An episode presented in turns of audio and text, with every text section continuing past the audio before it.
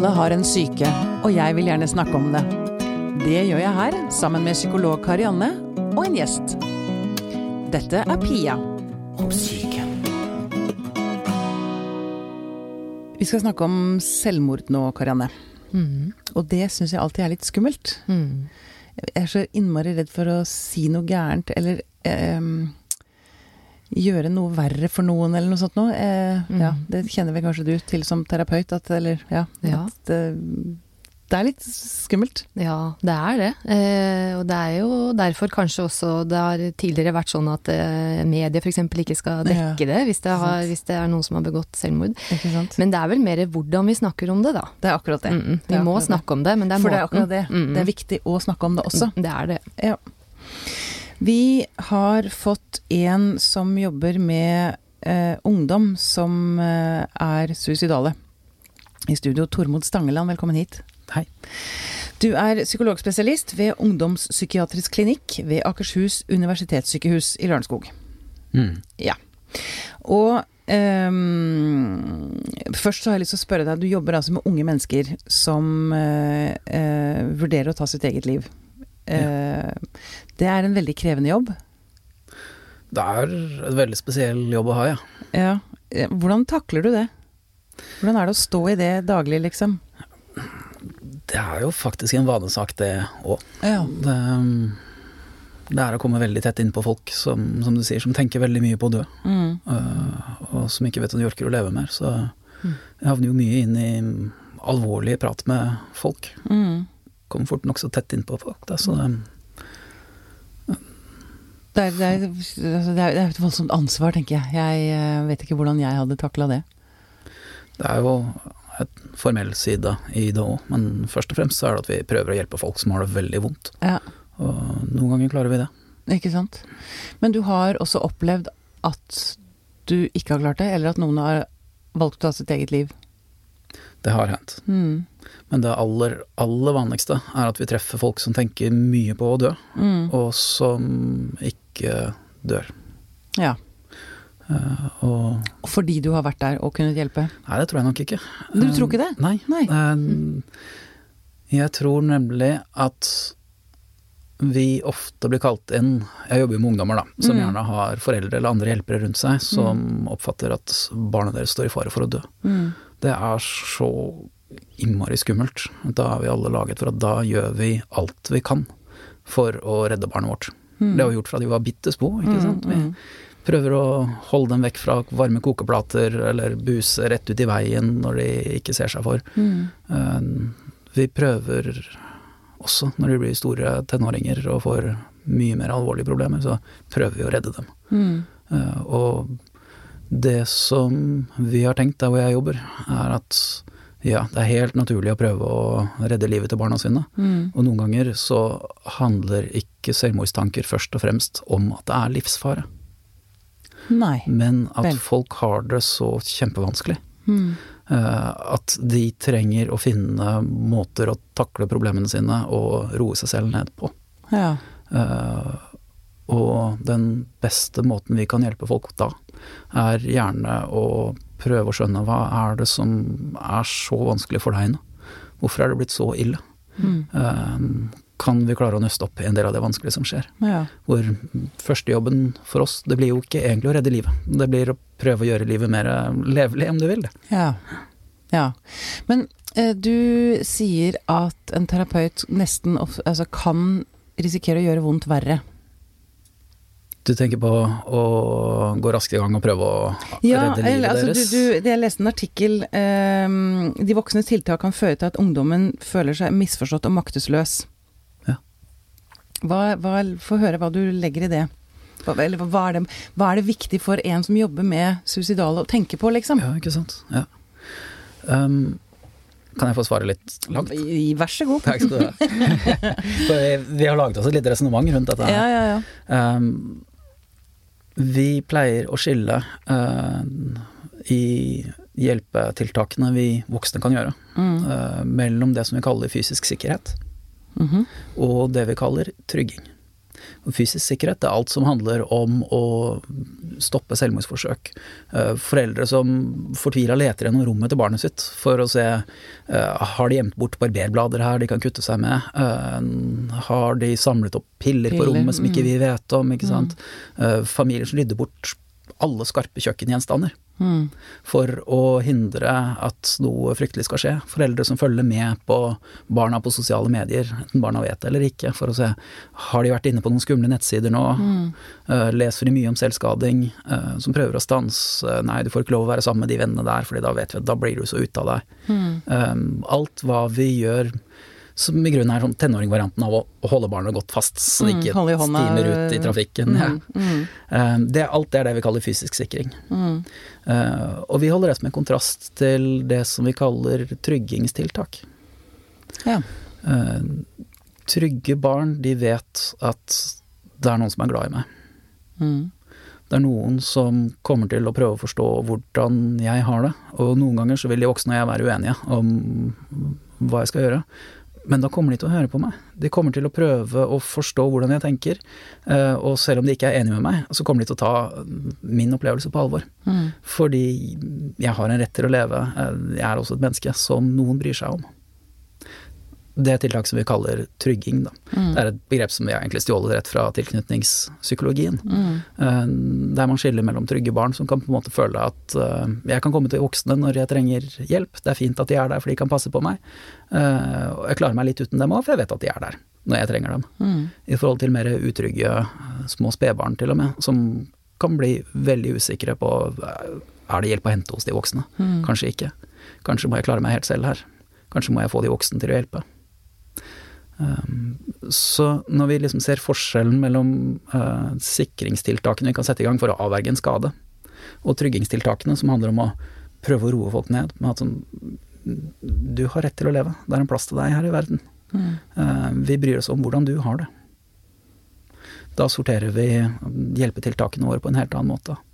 Og noen ganger så kan sikringstiltak, fysisk stopping, eh, det kan være helt nødvendig, og det kan være nyttig. Ja, det det altså første ting man gjør, liksom. Ja.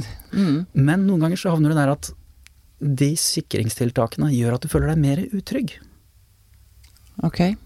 For eksempel det at foreldra går gjennom og ransaker rommet ditt. Mm. Eh, du kan oppfatte det som 'å, de bryr seg om meg, de vil meg vel'. Så de stopper meg i de skumle impulsene mine. Alt i orden. Mm. Da får du jo fort opplevelsen av sånn her er det noen som vil meg vel, ikke sant. Men hvis du oppfatter det motsatt, at de stoler ikke på meg. Mm. Jeg har jo sagt at jeg ikke har gjemt noe farlig på rommet mitt, og likevel så kommer de inn, tømmer skuffene mine, og de bryter seg inn i privatlivet ja, mitt, går over grensene mine. Mm. Ja, hører ikke på meg. Mm. Da blir dette et ganske utrygt tiltak som kan gjøre at du føler deg mer utafor, mer alene. Mm. Eh, mer på kant med omgivelsene dine, usikker på de som skulle hjelpe meg, vil de egentlig hjelpe meg, eller vil de bare hjelpe seg selv? Mm. Ja, hva, hva, skal man gjøre som forelder i en sånn situasjon, da? Jeg tenker at det vi trenger er trygge tiltak. Mm. Det kan være at det er nyttig å lage sikringstiltak. Det kan være at det er unyttig. Det som alltid er nyttig, er trygge tiltak som gjør at barnet føler seg vel. Og det er? Det er prøve å forstå hva er det som er så fælt at du ikke orker å leve lenger. Mm. Mm. Hva er det du tenker på når du ligger våken om natta? Ikke første bud 'nå skal vi hindre deg i å smugle inn barberblader og kutte deg opp', men mm. hvilke ting er det som får det til å være sånn? Mm. Hvorfor er dette den beste måten du har funnet å takle det på? Og ikke minst, hvorfor må du holde dette her for deg selv og skjule det for de andre? Mm. For det er veldig vanlig. Folk som Ja, det er, det, ikke sant? det er akkurat ja. det der, at man ja. sier det ikke til noen. Nei. Nei. Som på den ene siden går og føler seg forferdelig ensomme med svære hemmeligheter som de ikke syns de kan dele med noen i mm. det hele tatt. Hva, hva, spørre, hva slags hemmeligheter snakker vi om da? Hva, hva, kan det være? Er det skremmende hemmeligheter, eller bare vokser de seg store uh, fordi man bærer på dem alene? Mm, jeg tenker at det er kanskje ikke enten heller. Eh, det trenger ikke å være store ting i våre øyne. Men, men det kan være f.eks. at man er homofil? Kan det være sånne ting? Ja, det kan det absolutt være. Uh, og det kan være ting som For det første så er det mange som holder selvskading hemmelig. Ja. Uh, hvor den store hemmeligheten er nettopp 'jeg har noe som jeg må holde hemmelig'. Mm. Uh, så er det mange som har mye tanker om seg selv og sin egen verdi. Som de ikke vil andre skal få vite om. Mm. Eh, Skamfulle tanker, Mm. følelsen av at jeg er ikke noe tess, andre liker meg egentlig ikke. Jeg er Jeg er ikke noe verdt, jeg er stygg. Mm. Veier for mye, ser feil ut, Mm. har feil venner. Mm. Får ikke til det alle de andre får. Er mindre interessant enn de andre. Mm.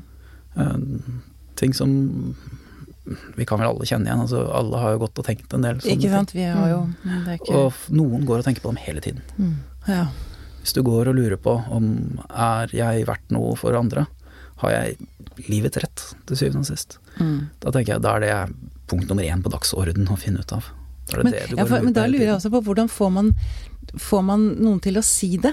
Eh, altså for det virker jo som om det kanskje er det skumleste av alt, å avsløre hemmeligheten. Mm. Ja. At man faktisk tenker at 'jeg fortjener ikke en plass her'. Mm. Det er ingen som er glad i meg. Det er 'jeg er verdiløs'. Og hvis du da på toppen av det hele har dårlige erfaringer med at hvis andre får vite noe om deg, så er det ikke sikkert de bruker den kunnskapen til å hjelpe deg. Kanskje de bruker den til å rakke ned på deg. Ja. Kanskje de ler av deg. Mm. Kanskje de bruker det mot deg i krangler. Mm. Kanskje de ikke vil ha noe mer med deg å gjøre. Mm. Kanskje de ikke vil være venn med deg lenger. Kanskje de angrer på at de fikk deg som barn. Det er en ganske vanlig tanke. Mange barn som går rundt og er redde for Foreldrene mine skulle nok egentlig ønske at de hadde fått et annet barn. Oi. Og det er ikke bare bare å si til foreldra sine. Nei. Og der skjønner jeg jo at når, hvis du som den første personen han eller hun møter, som etter hvert da våger å si det, da har du et Altså, da gjelder det å være Å klare å evne å ta imot det på en god måte. Ja. Det du sier her, tenker jeg er kanskje det aller viktigste. Mm. Er for Det er jo sjelden at noen bare har lyst til å snakke med kollegene mine eller meg om dette her heller. Og det kan vi ikke dra ut av folk. Det, det vi kan gjøre, er jo å er prøve å tillits... eh, Ja, mm, ja. Bygge opp tillit. ja, Jeg ville jo ikke fortalt noen av disse tingene her til en jeg møtte for første gang, hvis jeg hadde det sånn. Nei, ikke sant. Dette det skal gjøres ganske taktfullt. Ja. Hvilke tanker gjør du deg, Karianne, når du sitter og hører på Tormod? Nei, jeg tenker at uh, Tormod sier uh, noe veldig viktig, og det er at eh, jeg tror de som strever med selvmordstanker, eh, har det sånn at det er ikke nødvendigvis døden som løsning som er det som eh, driver eh, de tankene. Det er mm, mer Det sier mer om at det er noe som er så uutholdelig smertefullt. Mm. eh, at, man, at det er vanskelig å leve. Mm. Uh, og sånn, så, sånn sett så tror jeg også kanskje det å ha de dødstankene noen ganger kan være en form for hjelpetanke, kan ikke det da, Tormod? Altså at, eh, at, at det kan hjelpe til å, å utholde det uutholdelige, da. Ja. Eh, og, og, og i det så ligger det jo egentlig et uløselig dilemma, på en måte, ikke sant? Fordi man har kanskje ikke lyst til å dø, men man orker ikke helt å leve heller. Så det er vanskelig å finne en løsning på det. Mm. Um, så, jeg, så jeg tror det er nettopp det at vi som hjelpere, og, og dere som hjelper mange foreldre også, uh, ikke, kan, ikke blir så redd for å snakke om akkurat det. ja. Uh, at ikke vi blir redd for å snakke om døden, at ikke vi blir redd for å snakke om de dødstankene og hva innholdet i det er. Eh, og som Tormod sier, hva som gjør at det blir så forferdelig vanskelig å tenke at du skal leve. Det tror jeg er viktig. Mm. Mm. Men du skiller på, eh, eller det gjør, det gjør kanskje mange, men eh, akutt suicidalitet, suicidalitet og kronisk suicidalitet. Mm. Eh, Kan vi skille litt mellom de to, eller hva, hva er liksom jeg, jeg skjønner jo hva som ligger i det, men, Ja. Men, men, eh, helt selvsagt er det jo heller ikke, så Nei. kan gjerne utdype det. Ja, veldig gjerne. Um, I en sykehusverden så har man delt opp uh, både dette, men alle andre lidelser òg, i det som er akutt. Som kommer brått og dramatisk på og bør gjøres noe med en gang. Mm. Og alt det andre. Mm. Og alt det andre kaller man gjerne kronisk. Mm. Og jeg tenker at innenfor dette feltet her sånn, så er det en ganske viktig forskjell som er fanget opp i det. Uh, Det fins akutt suicidalitet, som gjerne kommer litt sånn kasta på. Fordi du havner i en emosjonell krise. Mm. Gjerne fordi du nettopp har mista et eller annet veldig verdifullt for deg. Ja, dødsfall, eller slått opp med noen, eller blitt kjæreste, dumpa, liksom. Mm, Ikke sant? mm, Mista jobben. mm. uh, Krenkelser. er- Krenkelser, krenkelser. ikke minst. Ja, Mm. folk som tar livet sitt etter en veldig Mm. offentlig ydmykelse. Ikke, Ikke sant? sant? Mm. Hvor du, du bare du mister grepet, og du, du orker ikke alle de vonde følelsene som kommer. Og hvor du kan ha veldig god nytte av at noen stopper og holder fast i deg. Mm. Eh, Sikringstiltak, da, i i vårt språk, hvor noen bare holder deg trygg og i live i noen få dager. Mm. Og så kommer du gjerne tilbake til deg selv igjen. Lander litt, og du kan til og med være glad for at gudskjelov at det var noen som passa på meg her. Mm. Uh, og det tenker jeg er noe helt annet enn det som vi har snakket om tidligere, som handler om en måte å takle følelser på, en Mm. måte å se verden på, en måte å se seg selv på. Eh, En del av personligheten din, egentlig, som Mm. er der over år. Mm. Hvor du går og tenker på døden tett og stadig. Uh, og hvor det er, sånn som du sa noe om tidligere, en måte å takle motgang på. Mm. Uh, og jeg tror det er et helt annet fenomen enn den rene akutte som du liksom kan Hvor du virkelig kan hjelpe noen hvis du bare griper inn i noen få dager. Det nytter jo ikke noe å gripe inn i et par dager med et sikringstiltak overfor en tilstand som var over år. Mm. Derfor tenker jeg at det, det er et veldig nyttig skille. Mm. Når det er sagt, så tenker jeg at det navnet som har blitt valgt for det, kronisk sosialitet, eh, det er nok ikke så heldig. Nei. Eh, I en sykehusverden så kan du sikkert sortere ting i akutt og kronisk. Mm. Eh, Men jeg har vært hjemme i mange familier og snakket med dem om nettopp dette temaet her sånn, og jeg har fortsatt aldri møtt noen som ser glad ut. Hvis de hører at jeg tenker at datteren deres har kronisk sosialitet. Nei. Nei. Eh, Det er noe motløst i begrepet Ja, det er, kronisk. det er akkurat det kronisk Mm. er. Da har man det livet ut, liksom. Ja, den det, er stuck det med. blir gærent. Ja. Mm. Mm. Så mm, jeg tror nettopp det virker som noe som tar litt ansvaret fra deg. Du er, du er sånn, du. Ja, ikke sant. Mm. Dette er kommet for å bli. Mm. eh, Som jeg ikke syns er så nyttig. Så, en, så vi bruker et annet ord for det. På høre. Eh, Vi kaller det mestringssuicidalitet. Ja, det var det Mm. Karianne var inne på i sted, at det blir en sånn mm. Ja. Det er, eh, det er jo et heftig ord, det òg. Jeg vet ikke om foreldre blir glad for å høre at jeg tenker at barnet deres har mestringssuicidalitet. Mm. Eh, Men likevel, jeg syns det signaliserer noe annet. Det, for det første, det er jo ikke opplagt noe som er kommet for å bli, som er der for alltid. Og så syns jeg det trekker fram at dette her er en måte å mestre på. Mm. Mm. En måte å takle stress og motgang. Eh, Jeg tror det er veldig vanlig for alle oss mennesker at når vi har det vondt, da tenker vi på å dø. Mm. Det har jeg også gjort man iblant. jeg, jeg, nå husker jeg ikke hvem det var, men det var en eller annen forfatter som sa at det, jeg, jeg er ikke suicidal, men det gir meg allikevel en stor trøst å tenke på at det er en mulighet, liksom. Ja, Mm. ikke sant? Det, jeg kan faktisk Jeg har et valg. Det er kanskje noe med det òg, at hvis man er trengt opp i et hjørne og opplever at man ikke har noe valg Mm. I, i livet, så har man i hvert fall det valget. Ja, På en eller annen måte. Det er en sånn kontroll Det kan jeg i hvert fall bestemme over selv. Ja. en trøst syns jeg er et veldig godt ord for det. For mange Mm. tenker at selvmordstanker handler om trøsting. Og rett og slett en måte å bevare selvrespekt. Ja, akkurat.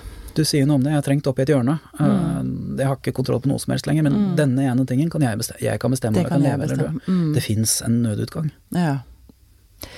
Men eh, Tormod, det har vært spennende å høre hva du tenker om fordi, eh, Nettopp fordi at man kan forstå suicidalitet på den måten, da, og suicidale tanker, eh, så, så kan man jo høre mange som sier at å, hun skriker, eller han skriker bare om oppmerksomhet, det er bare ulv, ulv Altså som trekker begrepet moral inn i bildet. Altså det er ikke moralsk riktig, nærmest, å, å ha disse tankene. Hvordan, hvordan møter du eh, sånne holdninger, eller innspill? Jeg ser ikke det umoralske i det. Altså, Nei. hvis man sier en, hun skriker bare etter oppmerksomhet, det er jo ikke noe bare. Det er ikke noe bare, nei. Ikke sant? Det er det. Mm. Ja, altså, her det, ta vekk bare, da, så er setningen veldig annerledes ut. Hva? Hun, hun skriker etter oppmerksomhet. Mm. Og hvorfor gjør hun det? Mm. Hvorfor, og, og hva skal man gjøre da? Selvfølgelig skal du jo prøve å få tak i hva skriker hun for. Mm. Hva er det som er så ille? Hun trenger jo hjelp. Mm. Eh, Jeg tror at en viktig funksjon av det vi kaller mestringssuicidalitet, da, det er jo nettopp å tåle og orke alt det vanskelige, og en måte å trøste seg selv på. Som du sier, altså noe med å bevare selvrespekten og ha, og ha en vei ut. Mm. Uh, og så tror jeg det er noe annet i det òg, Mm. som Om jeg tenker meg om et øyeblikk, så sier du på den rette måten, da. Mm. Uh, hvis du går og tenker mye på at livet ditt vet du nesten ikke om du holder ut lenger, så vanskelig er det blitt for deg. Mm. Uh, og så har du lært deg til da, fra livet at det er ikke bare bare å si til folk, for da blir de enten skremt eller sint, eller kanskje de prøver å gripe inn, stoppe deg eller hindre deg, eller de går til foreldrene dine og sladrer på deg. du vet ikke ordentlig hvordan kommer det til å gå, hvis du viser folk hvor vanskelig du har det. Samtidig så er det jo utrolig ensomt. Mm. Å gå med så store, dramatiske tanker. Du er usikker på om du kommer til å leve videre en gang. Eh, og du har ikke noen særlig muligheter til å dele det til noen andre. Og vi er sosiale vesener. Vi har til tross for mange dårlige erfaringer gjennom livet til mange, så ønsker vi jo fortsatt å dele med noen. Vi ønsker at livet ikke skal være så brutalt som det er, så, så vi vil gjerne formidle noe. Og da sitter du i dette dilemmaet her, da. I den ene enden, du har lært deg av bitter erfaring at det er ikke noe lurt å vise andre hvordan jeg har det. Mm. I den andre enden, jeg trenger å dele, for jeg vet ikke om jeg orker ta dette her alene. Mm. Hvordan kan du klare å formidle begge deler samtidig? Hvis du ikke er så god til å beskrive ting med ord, kanskje. Mm. For mange syns det er veldig vanskelig. Mm. Eh, Men hvordan gjør du som terapeut da, når du, du kan vel kanskje ane at det er dilemmaet den unge står i? det er jo nesten det I feltet mitt så må jeg ta utgangspunkt i at det er sånn det er. Eh, sant? Jeg møter jo gjerne de som har vekket mye uro i omgivelsene sine. Mm. Fordi de har det såpass vanskelig at de har eh, satt i gang selvmordstanker, gjort et selvmordsforsøk kanskje, og de har overlevd. Eh, Da kommer teamet mitt inn, da. Ja, nettopp. Og det er da du drar hjem til familier og, og snakker med alle sammen, liksom? Ja, det er det vi gjør da. Mobilt behandlingsteam heter det, ved klinikken du fortalte om. Mm. Hvis noen har havnet opp i en akutt krise som ikke krever mm, sykehusinnleggelse fordi altså, ingen kroppslig somatisk skade skjedd, som er så alvorlig at man må inn på sykehus, og hvor da må vi fort avveie den fysiske sikkerhetsrisikoen, da. Og ofte så tenker vi jo at denne krisen her sånn, den takler vi best hvis vi klarer å gjøre noe med livsbetingelsene. Mm. Det er jo det dilemmaet vi står oppi. Da skal vi ta noen ut av det livet de lever i, som er vanskelig, og ta dem inn på en sykehusavdeling. Med eller mot deres vilje. Og tenke at da løser vi det der inne. Eller skal vi prøve å ordne noe i det egentlige livet deres. Mm. Dere hører kanskje på tonefallet at jeg har stort sett mest tro på den siste, da. Mm. Eh, Jeg tror ikke vi løser all verden eh, inne på en sengepost. Noen ganger så må man bare fordi den fysiske sikkerhetsrisikoen er så høy. Gjerne i retning av kuttsuicidalitet. Mm. Men i mange situasjoner så tenker vi at her er det vel mye som handler om ting som er vanskelig i familien. Ja. Eh, ting som er vanskelig med venner. Ting som er vanskelig med kjærester. Ting som er vanskelig med skolen. Eh, ingen av de problemene der løses inne på en akuttavdeling på noen få dager. Ja. Men er dere aktivt med ute i livet til altså Det er jo forskjeller på hvor mye folk har lyst da, til å ha akuttpsykiatrien Det er som å ha en livvakt, liksom? Mm, Litt. ja. Mm. Men typisk så får vi jo lyst til å snakke med familien, da. Mm. Eh, Siden det er ungdommer vi holder på med. Så selv ungdommer som er mer opptatt av venner, kjærester og sånt nå, de, de bor nå en gang i en familie og er eh, nokså avhengig av hvordan takler foreldrene mine situasjonen. Mm. Og foreldre i en sånn situasjon er gjerne vettskremte. Mm. Barna Ja. deres har prøvd å ta livet sitt, de aner ikke hva de skal gjøre. De, eh, som vi snakket om, førsteimpulsen blir jo da å ta vekk alt som er skarpt og farlig. Mm. Uh, følge med, overvåke, titte inn til barn om natta for å se sover hun nå, eller sitter hun oppe. Hva gjør hun i så fall? Uh, mye overvåke og kontrollere. Husarrest. Mm. Uh, vi trenger å få flytta blikket vekk fra disse fysiske sikringstiltakene, som noen ganger er nødvendige. Ikke minst for at foreldrene skal kunne slappe av litt. Mm. Men vi trenger også tryggingstiltakene. Vi trenger at de snakker sammen. Mm. Barn som går med en eller annen fantasi om at hele familien min hadde hatt det så mye bedre hvis bare jeg var død. Mm. Da kunne de ha fulgt opp lillesøstera mi. Da kunne foreldrene mine ha slappa av en gang iblant. Da hadde de sluppet å se så trist og sinte ut hele tiden. Fordi det er mange som føler med seg selv at det er jo jeg som er skyld i alt dette. Mm. Uh, og som da bare nærmest går ut ifra at foreldrene de eh, vil ha det bedre uten meg. Og Og, og det tenker jeg sier noe om hvor alvorlig eh, smertefullt de har det inni seg. For det er jo veldig mange voksne også som, som har de tankene. Ikke bare de unge som strever Ja. med dette, men altså, det er at alle hadde hatt det så mye bedre uten meg. ja. Det sier noe om hva slags eh, fortellinger man har rundt seg selv som person, da. Mm. Man er ikke verdt å leve. Mm. Fortjener. Det blir jo på en måte en nestekjærlig handling å ta livet Ja, sitt. Ikke ja, sant? ikke sant? Jeg gjør dette for alle de andre, for at de skal få det bedre. Jeg har plaget dem så mye. mm. For å ta vare på andre. Ja. Du, jeg spørre når vi er inne på det, er, er det mm, forskjell på unge suicidale og voksne suicidale? Det er en del forskjeller. På gruppenivå, holdt jeg på å si? Ja. ja.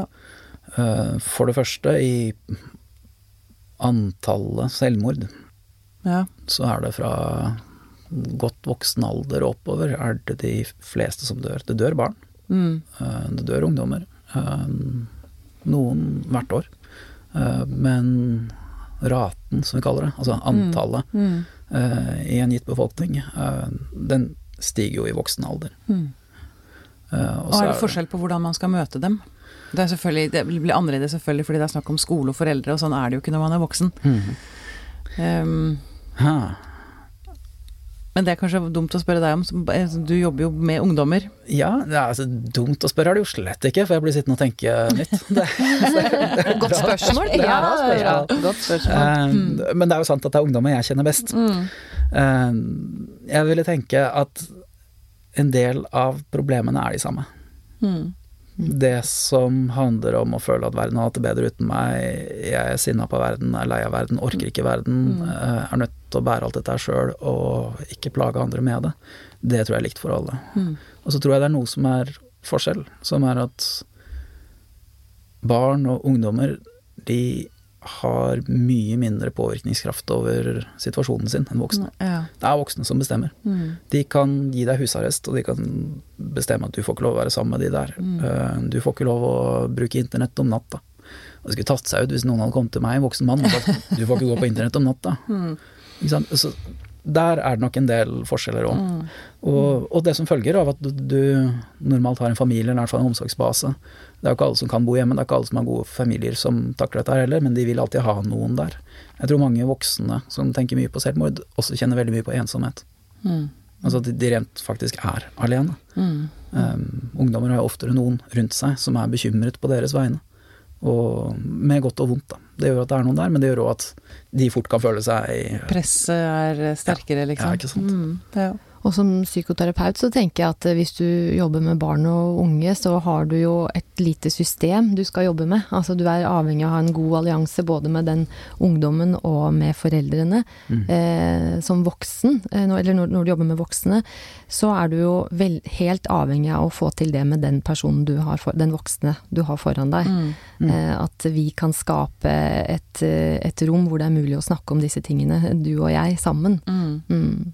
Du, dere, hvordan møter man best et menneske som har eh, selvmordstanker? Eller ehm, Og hvordan får man håper å si, avdekket at noen Altså, man kan være bekymret og lure på det. Mm. Kan man Er det lov å spørre noen? Skal man spørre noen? Jeg er redd for at du vurderer å ta ditt eget liv. Er det lurt?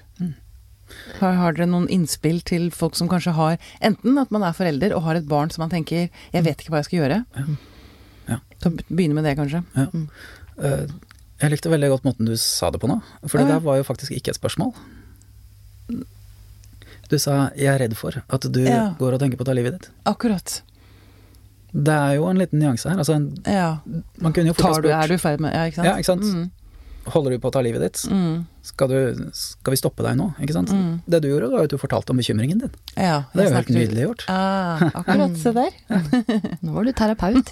Ja. Ikke bare intervju. Jeg har lært litt i disse episodene. Mm, ja. Ja. Mye erfaring. Ja, for det, veldig mange er jo ikke klar for å prate om det, og vil oppfatte spørsmål truende og skummelt. Mm. Så den, den mest ekstreme situasjonen, da, det er jo legevakta. Du kommer dit dratt med etter at du har gjort et selvmordsforsøk, så blir du tatt med av foreldre eller folk fra skolen eller noe. Så kommer du ned og møter en fremmedperson du aldri har truffet før, som stiller deg en del spørsmål som må stilles for å avklare risikograden. Mm.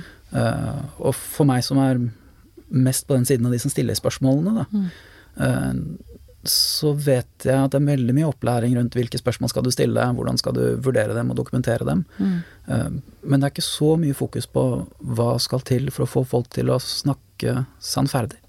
Mm. Svare oppriktig på de spørsmålene. Ja, fordi det er lett å si at nei, nei, det er ikke noe farlig, fordi man vil ikke bli kontrollert. Eller overvåket, eller Ja, mm, lagt, det- lagt inn, eller mm. Ja, og det kan jo fort skje i en situasjon hvor du er skrekkslagen eh, over alle de voldsomme konsekvensene, og hvor du kanskje er redd for hva kommer andre til å gjøre med den kunnskapen om meg.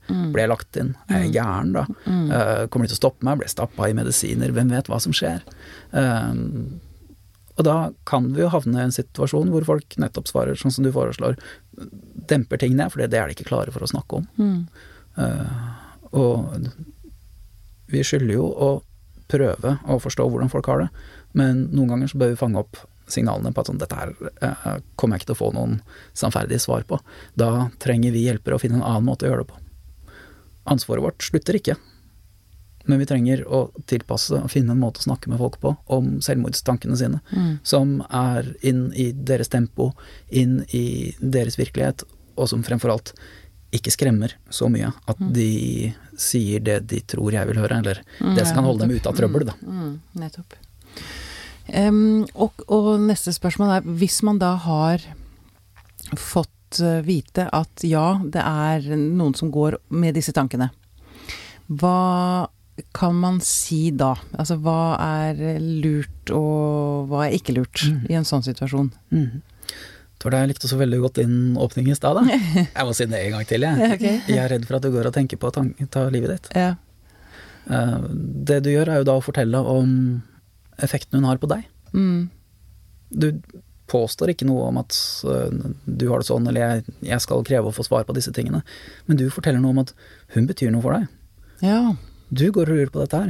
Du er redd for Mm. at hun går og tar livet sitt. Mm. I stad så snakket vi om en som har overbevist seg selv om at det er best for alle andre hvis jeg bare dør og blir borte, ikke sant? Mm. Mm. Og det er det jo det mot, motbeviser man egentlig ved å stille det spørsmålet, eller å si det man gjør. Mm. Nettopp. Er ikke det lurt? Altså, Mm. jeg går og er redd for dette her, jeg. Du har den effekten på meg. Jeg, Det betyr at du betyr noe for meg. Du er etter at vi snakka sammen i går kveld, da du sendte de meldingene om at du var så fortvila, eh, lå jeg åpen halve natta og tenkte på hva skal jeg si nå, for jeg blir bekymra for hvordan du har det. Jeg vil ikke at du skal ha det så vondt. Mm. Jeg lurer på hva som skjer inni deg. Mm. Dette her er det jeg går og tenker på. Mm. Og så kan det være sant eller ikke sant. Det kan jo ikke vi vite. Mm. Men du kan fortelle at sånn oppfatter du det. Sånn er det å være deg. Eh, Du er bekymra for en som du bryr deg om, og som du lurer på mer om. Mm. Og, og det er litt interessant den vinklinga du har der, Tormod. Fordi det, det er jo på en måte litt sånn dreining i det fagfeltet som dreier seg om psykoterapi, da. For før så, så tenkte man jo at terapeuten ikke skulle være transparent i det hele tatt. At ikke vi skulle si noe om hvordan, hvordan vi har det. Vi var nærmest en sånn derre ja eh, blank tavle, var en vegg, ikke sant. Ja. Em, men det er jo Tormod viser jo nettopp her hvor betydningsfullt det er at vi er transparente. At vi sier noe om hva vi tenker og hva jeg føler og hva, hva jeg, hvordan jeg har det i denne situasjonen her sammen med deg. Mm. Mm. Mm. Nettopp. Mm. Mm. Og det tror jeg er viktig med voksne også, om det er barn eller unge eller voksne. Mm. Ja. Mm. Jeg følger den. Mm. Og i forlengelsen av den så vil jeg da òg kanskje ha tenkt Hvis vi viser noe om sånn Denne effekten har du på meg. Jeg går og er bekymret for deg. Mm. Uh, hvis jeg setter meg i stolen til den som går og tenker mye på å dø, Mm. uh, og som er redd for hva kommer andre til å gjøre, da hadde jeg blitt livredd for å ja, og hva kommer du til å gjøre med det? Mm. Mm. Du er redd, da kommer du til å stoppe meg sikkert, eller du kommer til å forkaste meg, ikke ville ha meg som venn lenger, eller mm. hvis du er terapeuten min, du kommer til å få meg tvangsinnlagt. Mm. Så jeg tror det er lurt da i forlengelsen av den Mm. setningen, dette går jeg og lurer på, og jeg tenkte en del på hva kan jeg gjøre da? Mm. Så noe av det første vi i teamet mitt er nødt til å snakke om, det er jo hvilke veier går videre her, hva kommer til å skje? Uh, hva, hva er vi ute etter? Uh, kommer vi til å sette i gang tvangsinnlegg, liksom? Så trenger vi å vi trenger å få lagt de tingene på bordet med en gang, sånn at folk kan stort sett da slappe av på at eh, vi tenker ikke at du skal tvinges vekk fra noe her. Eh, vi tenker ikke at du skal vekk fra det livet du lever i, vi, vi skal ikke stoppe det, vi skal ikke fortelle dette til alle. Eh, vi er her for å prøve å få deg til å føle deg sett. Mm. Du skal føle deg hjulpet av oss, Mm. ikke truet. Mm. Mm. Mm. Veldig bra. Så ja, jeg har liksom hovedpoenget som jeg ofte er ute etter når jeg skal prøve å bli kjent med noen, da. Treffer Mm. dem for første gang. Eh, Det er jo et element alltid av at vi kommer jo i en krise, så vi må vurdere litt risiko og sånt noe. Men det klarer vi ofte å ta oss av. Mm. Eh, Det som er vanskelig å få til, er å gjøre det til en så god situasjon at noen får mer lyst til å snakke med oss. Ja. Så målet mitt det blir jeg vil at du skal ha lyst til å snakke med meg igjen. Mm. ja. Det skal være en situasjon som føles ålreit, trygg og nyttig Mm. for deg. Mm. Sånn at du kan få endret ideen om at dette er noe du skal gå og bære på alene. Mm. Du skal slutte å være så ensom. Mm. Det er faktisk eh, veldig likt eh, sånn man tenker om, kanskje spesielt fagfeltet mitt, spiseforstyrrelser. Altså at eh, med første samtalen så skal man sikre seg at det blir en nummer to. Ja, Ja. nettopp. Altså at Ja. man, skal, man skal tenke at Ja. eh, man skal opptre på en sånn måte, eller at vi skal få til noe sammen som gjør at uh, vedkommende får lyst til å snakke med deg en gang til. Ja. Gang nummer to. Ja, da tenker vi i samme retning. Mm. Ja. Mm. Veldig bra. Jeg kan tenke meg at de to situasjonene som vi er i, har en del til felles, sånn sett. Altså, du holder på mye med spiseforstyrrelser, jeg holder mye på med folk som går og tenker på døden. Mm. Begge har vel noen hemmeligheter, og kanskje grunn til å være skeptiske til hjelperne sine og hva de egentlig vil. Mm, absolutt. Samtidig som man føler seg hjelpeløs og, og har det smertelig vondt. Ja. Så man ønsker også den andre til stede. Ja. Mm, Ikke sant? mm, tydelig har ting i livet som er såpass vanskelig, at det har begynt å dominere livet fullstendig. mm, absolutt. Ja. Du, Tormod, er det noe du har lyst til å føye til på, på slutten? Noe du har brent inne med som er viktig å få sagt? Ja, vi har snakket noe om sånn hvordan snakke med noen som har det vanskelig. Mm. Um, jeg kunne jo si noe til de som har lyst til å snakke med noen òg. Ja. Um, for er, vi har beskrevet litt hvordan det fort kan føles som det kommer ikke noe godt ut av å prate med noen, de lager bare problemer for deg. Mm. Um, mest sannsynlig er det feil. Ja. Eh, Det finnes bra folk der ute som Det finnes faktisk bra folk der ute. eh, Mm. Uh, og de som har det vanskelig, kan være med på å prege hvordan blir denne samtalen. Mm. Det å fortelle hva er du redd for? Uh, hva frykter du skal skje? Hva er grunnene dine til at du tenker at det er best å sitte alene på rommet og tenke på å dø, heller enn å fortelle dette til mamma og pappa, Mm. eller til en hjelper? Eh, hva trenger du for at det skal være trygt for deg? Sett dine grenser for at dette her kan jeg si. Mm. Um, men det er noen ting jeg ikke er klar for å snakke om i det hele tatt. Respekter de grensene mine. Mm. Um, så er det mye å hente på folk som har sett situasjoner som ligner veldig, og som kan ha vært der før. Kan gi deg et annet perspektiv. Verden er antagelig ikke så svart-hvitt som du har vent deg til. Mm. Nei, sant? For det er noe med tankemønstrene som har fått lov til å spinne for mye alene for lenge. Det er ikke sånn Mm. at verden vil få det bedre hvis du er død. Mm. Bra. Veldig bra avslutning. Tormod Stangeland, tusen takk for at du kom til oss. Tusen takk for at jeg fikk komme.